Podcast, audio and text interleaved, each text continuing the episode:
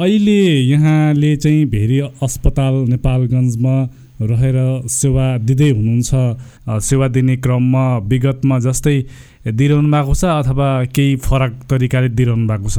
Very हस्पिटलको सेवा त विगतमा त्यस्तो फरक त केही परेको छैन होइन?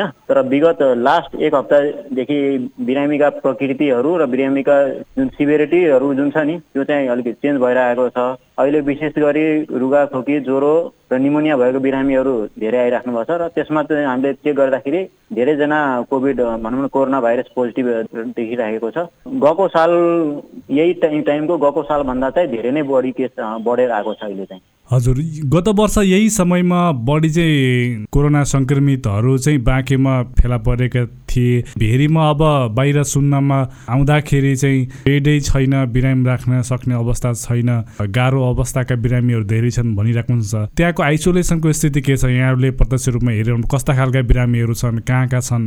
गएको साल चाहिँ यति बेला चाहिँ बिरामीहरू चाहिँ सङ्ख्या चाहिँ बढी थियो तर तुलनात्मक रूपमा सिरियसनेस चाहिँ यसपालि बढी भएको छ। तर गएको साल जतिको टेस्ट चाहिँ हामीले गर्न सकेका छैनौँ किनभने गएको साल चाहिँ कन्ट्याक्ट ट्रेसिङहरू पुरै चाहिने तहबाट नै सुरु भइसकेका थियो। यसपालि चाहिँ हामीले अब त्यति कन्ट्याक्ट ट्रेसिङ त गर्न सकेका छैन। तर हामीले हस्पिटलमा जति बिरामीहरू आउनुहुन्छ जो भर्ना हुनुहुन्छ ओपिडीबाट जतिको लक्षणहरू मिल्छ हामीले उहाँहरूको टेस्ट चाहिँ गरिराखेका छौँ। र अहिले हाम्रो आइसोलेसन चाहिँ लगभग प्याक भएर हाम्रो जुन छुट्याएको बेडहरू छन् त्यो प्याक भएर त्यहाँ पनि र प्लस हाम्रो प्रि आइसोलेसन भन्ने हुन्छ। लक्षण भएका बिरामीहरूलाई राख्ने होइन? बिरामीहरू पोजिटिभ आएर अन्त साह्रो नमिलेर त्यहाँ पनि छन्। हाम्रो अहिले कोभिड वार्डमा चाहिँ उनसत्तरीजना बिरामी हुनुहुन्छ पोजिटिभ केसहरू उहाँहरूलाई लगभग सबैजनालाई अक्सिजन चाहिएको छ सबैजनालाई निमोनिया छ। सातजना जति भेन्टिलेटर भनौँ न आइसियु त चौध पन्ध्रजना नै हुनुहुन्छ। तर यो कृत्रिम श्वास दिने मेसिन भन्छ भेन्टिलेटर त्यसमा चाहिँ हुनुहुन्छ। एकजनालाई चाहिँ हामीले ट्युब हालेर नै व्यवस्थापन गरिराखेका छौँ। र त्यसमा त्यसपछि प्रि आइसोलेसन भनेको हाम्रो सस्पेक्टेड केस राख्ने ठाउँमा पनि दसजना पोजिटिभ केसहरू हुनुहुन्छ। किनभने उहाँहरूलाई उता सार्ने बेड चाहिँ छैन। र अर्को चाहिँ त्यस्तै लक्षण हुनेहरू चाहिँ तेह्रजना हुनुहुन्छ। उहाँहरूको चाहिँ टेस्ट गएको छ रिपोर्ट आउन बाँकी छ। अहिलेको अवस्थामा चाहिँ भेरीमा सबै ठाउँबाट अब भनौँ न हाम्रो यो पश्चिमको सबै ठाउँबाट रिफर केसहरू आउने भएकोले रिफर केस पनि टन्नै आएको छ र हामी हाम्रो यही ठाउँमा पनि पत्ता लागेको केसहरू पनि सबै भेरीमा आइसकेकोले। अहिले त लगभग प्याकको अवस्था नै छ गाह्रो छ हम्मे हम्मे हजुर यहाँहरूले अब चेक जाँचका क्रममा उनीहरूसँग सोधपुछका क्रममा अब त्यो कारणहरू पत्ता लगाउनु पनि भयो होला। केही खास के कारणले उनीहरूलाई चाहिँ यो कोभिड सङ्क्रमण भयो? कस्ता किसिमका चाहिँ लक्षणहरू देखि के के प्रकृतिका चाहिँ समस्याहरू भेटाउनु भयो अहिलेका बिरामीहरूमा धेरैजनाहरू चाहिँ छिटो छिटो सास फेर्नमा समस्या भएर आउने ज्वरो आउने। र रुगाखोकीहरू साधारण रुगाखोकी भएको बिरामीहरूलाई पनि पोजिटिभ देखेको छ। अब हिजोसम्म एकदम राम्रो भएको बिरामी अचानक ज्वरो आउने एक सौ दुई एक सौ तिन चारसम्म ज्वरो आउने सास फेर्न गाह्रो हुने छाती दुख्ने र हामीले अक्सिजनको मात्रा नाप्दाखेरि सत्तरी असी पन्चानब्बे चौरानब्बे तिरानब्बेसम्म पनि भएका बिरामीहरू छन् जबकि हाम्रो शरीरको अक्सिजन पन्चानब्बेभन्दा बढी हुनुपर्छ। कति बिरामीमा त्यति समस्या चाहिँ देखिन्न तै पनि अक्सिजन चाहिँ कमी हुन्छ। टेस्ट गर्दाखेरि हामीले एक्सरे हेर्दाखेरि निमोनिया देखिरहेको छ र टेस्टमा फेरि कोभिड पोजिटिभ देखिन्छ। त्यस्तो बिरामीहरू चाहिँ एकदम डेन्जरस हुन्छ बाहिर हेर्दाखेरि चाहिँ साधारण भए पनि शरीरमा अक्सिजन चाहिँ पुगेको छैन र कारण जहाँसम्म कारणको कुरा छ अब यो त अब भाइरसको कुरा हो। गएको साल पनि यति बेलै भाइरस अलिक बढेर आएको थियो। तर अब कता कता हामीले न्युजहरूमा सुन्छौँ कि यो अब भाइरसहरू म्युटेन्ट भनौँ न पहिलाको स्वरूप फेरिएर आएको हो कि भन्ने पनि इन्डियाका र अन्य न्युजहरूमा देखिन्छ। हाम्रो नेपालमा पनि एउटा केसमा चाहिँ त्यो कन्फर्म भएको छ न्युजहरूले भनेको छ। अब हुनसक्छ कि भाइरस अलिकति बढेर आएको हो कि? अब र अर्को हाम्रो अहिलेको अवस्थामा हाम्रो सहर बजार गाउँघरतिर पनि हेर्नु यो सुरक्षाका मापदण्डहरू हामीले प्रयोग गरेको देखिँदैन। धेरैजनाले कसैले मास्कै प्रयोग गर्नु हुँदैन हुँदैन अनि भिडभाड पनि छँदैछ। मेलाहरू भयो प्रोग्रामहरू भयो र्याली स्याली सबै कुरा छँदैछ। बजार पनि अब त्यस्तै छ र हात धुने कुराहरू पनि अलिकति घटेको हो कि जस्तो पनि महसुस भइरहेको छ अहिलेको अवस्थामा। जस्तो बिरामीहरूको अब गतिविधि हेर्दाखेरि चाहिँ यही कारणले चाहिँ बढी चाहिँ सङ्क्रमित भएको छन् भन्ने कुरा पनि केही पत्ता लगाउनु भएको छ कि यहाँहरूले? जस्तो अब कोरोनाको खोप लगाएका कतिपय बिरामीहरू पनि लाई पनि ला होलान् अथवा छैनन् के छ त्यो? छ छ। कोरोनाको दुईटा खोप लगाएको पनि हामीले अब इन्डियातिर पनि न्युज हेरिरहेछौँ हाम्रो अस्ति आएको न्युजमा धरानको एकजना प्रोफेसरलाई पनि दुईटा खोप लगाएपछि पनि कोरोना देखेको छ। अब खोप खोपको कति प्रतिशत भनौँ न प्रोटेक्सन छ या यसले कति पछि कोरोनै लाग्नै नदिने हो भने पनि त्यति त छैन। जहाँसम्म खोपको कुरा छ यदि दुईवटा खोप लगाएको छ र चौध दिन कटेको छ भने कोरोनाको यदि बाइचान्स भएछ भने धेरै सिभियरिटी नहुने हो। कोरोना नै प्रिभेन्ट गर्ने चाहिँ अहिलेसम्मको स्टडीले चाहिँ बताएको छैन। अहिले देखिएका बिरामीहरू जति छन् उनीहरूले खोप लगाएका थिए कि थिएनन्? के पाउनु भएको छ?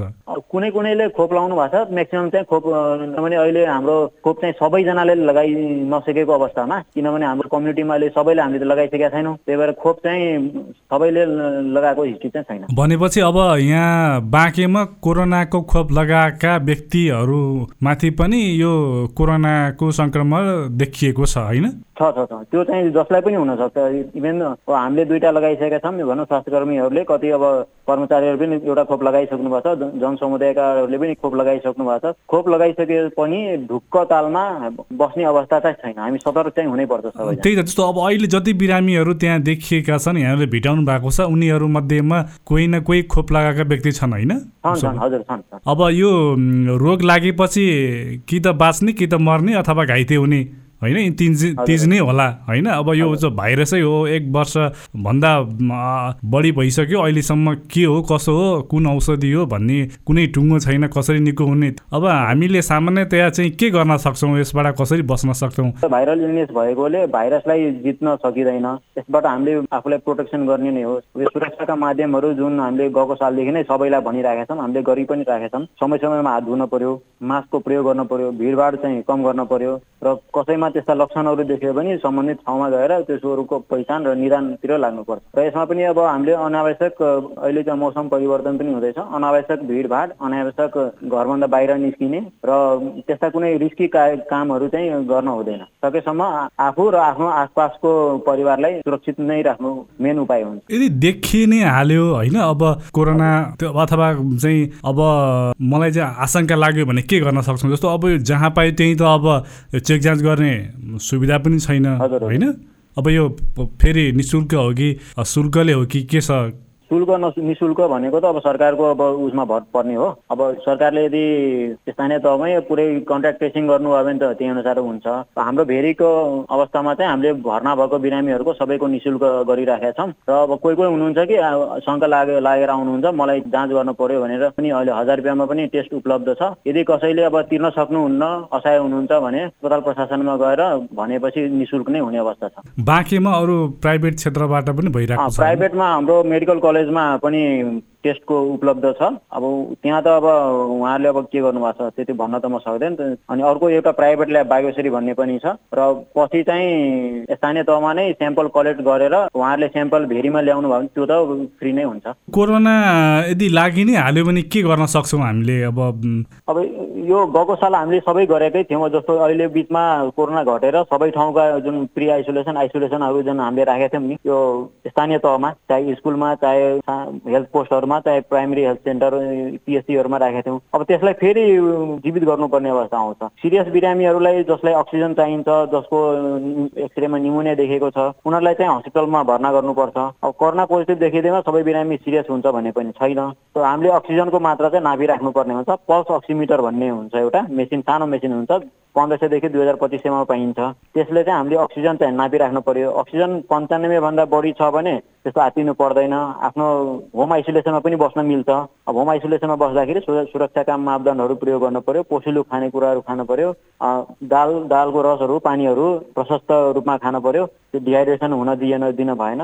ज्वरो आएको बेलामा चाहिँ सिटामोल खानु पर्यो। र यदि गाह्रो भएछ अक्सिजनको कमी भएछ भने त्यस्ता बिरामीलाई हस्पिटलमा प्रेसन गर्नुपर्छ। अहिलेको अवस्थामा हामीले स्थानीय तहहरूमा जुन पहिला जसरी नै पोजिटिभ केसहरूलाई राखिन्थ्यो त्यहाँ स्वास्थ्य कर्मीको व्यवस्था गरेर अब धेरै गाह्रो भएको बिरामीलाई अक्सिजनमा ट्रान्सफर गर्न सक्ने व्यवस्थाहरू मिलाएर राख्न सकिन्छ। अब हामी शिक्षकको नाताले अहिले जनसमुदाय या सरकार निकायलाई त अब सकेसम्म अब टेस्टहरू बढाउनु पर्यो र अरू पनि आइसोलेसन सेन्टरहरू त्यहाँ स्थापना गर्न पर्यो। हाम्रो हस्पिटल चाहे भेरी हस्पिटल भनौँ या पहिला जसरी हामीले नर्सिङ होम या नेपाल मेडिकल कलेजले हामीले प्रयोग गरेका थियौँ आइसोलेसनको सेन्टर गराएर निकायहरूले उहाँहरूलाई पनि अनुरोध गर्न पर्यो कि आइसोलेसन खोल्न पर्यो। र हामीले चाहिँ अक्सिजन चाहिने चाहिने र सिरियस बिरामीहरूलाई चाहिँ हस्पिटलमा राख्ने र अक्सिजन नचाहिने आइसोलेट गरेर मात्र राख्न सकिने कम्युनिटी आइसोलेसनमा या होम आइसोलेसनमा राख्ने चाहिँ व्यवस्था मिलाउनु पर्छ सम्बन्धित निकायहरूले यो कुराहरू जनसमुदायमा पनि फैलाउनु पर्यो र र मानिसको अनावश्यक मोबिलिटीहरूलाई पनि अलिकति कन्ट्रोल गर्नुपर्छ।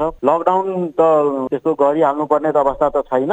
तैपनि मानिसहरूको मोबिलिटी चाहिँ लिमिटेड गराउनुपर्छ र अस्पतालमा र स्वास्थ्य संस्थाहरूमा आवश्यक जनशक्तिहरूको परिपूर्तिको लागि पनि ध्यान दिनुपर्ने हुन्छ। अब अहिले यो लकडाउनको कुरा गर्नुभयो यहाँले अब के लकडाउन गर्ने नगर्ने भन्ने कुरामा बहस भइरहँदाखेरि होइन खास गरी अहिले पहिलो प्राथमिकतामा विद्यालयलाई सबैको चाहिँ नजर छ बन्द गर्ने नगर्ने होइन। अब केही बन्द पनि भएको छन् अब केही नगर्ने पक्षमा पनि छन्। सिमानाका बन्द गर्ने कि नगर्ने कुरा पनि आइरहेछ। अब यहाँको चाहिँ विश्लेषण के हुनुहुन्छ? खोल्यो भने के गर्ने अथवा बन्द गर्यो भने त बन्द गरे भइहाल्यो। अब लकडाउनको मिनिङ भनेको के हो भने हामीसँग रिसोर्सेस छैन या हामीसँग रिसोर्सेस अहिले पुगेको छैन भने हामीले टाइम बाई गर्ने हो। हामीले पाँच दिन दस दिन पन्ध्र दिन या एक हप्ता दुई हप्ता गरेर त्यति बिचमा हामीले आफ्नो क्यापेसिटी बिल्डिङ गर्ने हो स्ट्रेन्थनिङ गर्ने हो। हाम्रो हेल्थ क्यापेसिटी यदि कम छ स्टाफ कम छ स्टाफ रिक्रुट गर्ने होइन आइसोलेसन कम छ हामीले आइसोलेसन बढाउने होइन जनचेतनाहरू फैलाउने त्यसको लागि लकडाउन गर्ने हो होइन। तर अब पुरा लकडाउन गरे पनि त्यति साध्यता हुँदैन। हामीले चाहिँ पार्सल मोडिलिटीमा केही अनावश्यक हिँडाइ र अनावश्यक मोबिलिटी चाहिँ कम गर्नुपर्छ र जहाँसम्म स्कुलको कुरा छ स्कुल स्कुलमा यदि सुरक्षाका मापदण्डहरू अप्नाएर यदि साना साना नानीहरूको पाँच क्लासभन्दा तलको लागि त छुट्टी दिए पनि केही फरक नपर्ला। तर अब ठुलो बच्चाहरूको लागि यदि स्कुल जानै पर्छ भने एउटा सिफ्टलाई दुईवटा सिफ्ट गराएर या एउटा बेन्चमा दुईजना मात्र राखेर जुन जुन सुरक्षाको मापदण्ड हुन्छ प्लस मास्कको कुरा भयो भाइजरको कुरा भयो त्यो यदि गऱ्यो भने गर्न सकिन्छ तर त्यति गर्दा पनि सुरक्षाको मापदण्ड अप्नाउन अलिकति गाह्रै देखिन्छ। त्यो त्यो यदि एउटै विद्यालयमा धेरैजना विद्यार्थी यदि सङ्क्रमित भयो त्यस्तो देखियो भने त केही दिनको लागि विद्यालय बन्द गर्नु नै उचित देखिन्छ।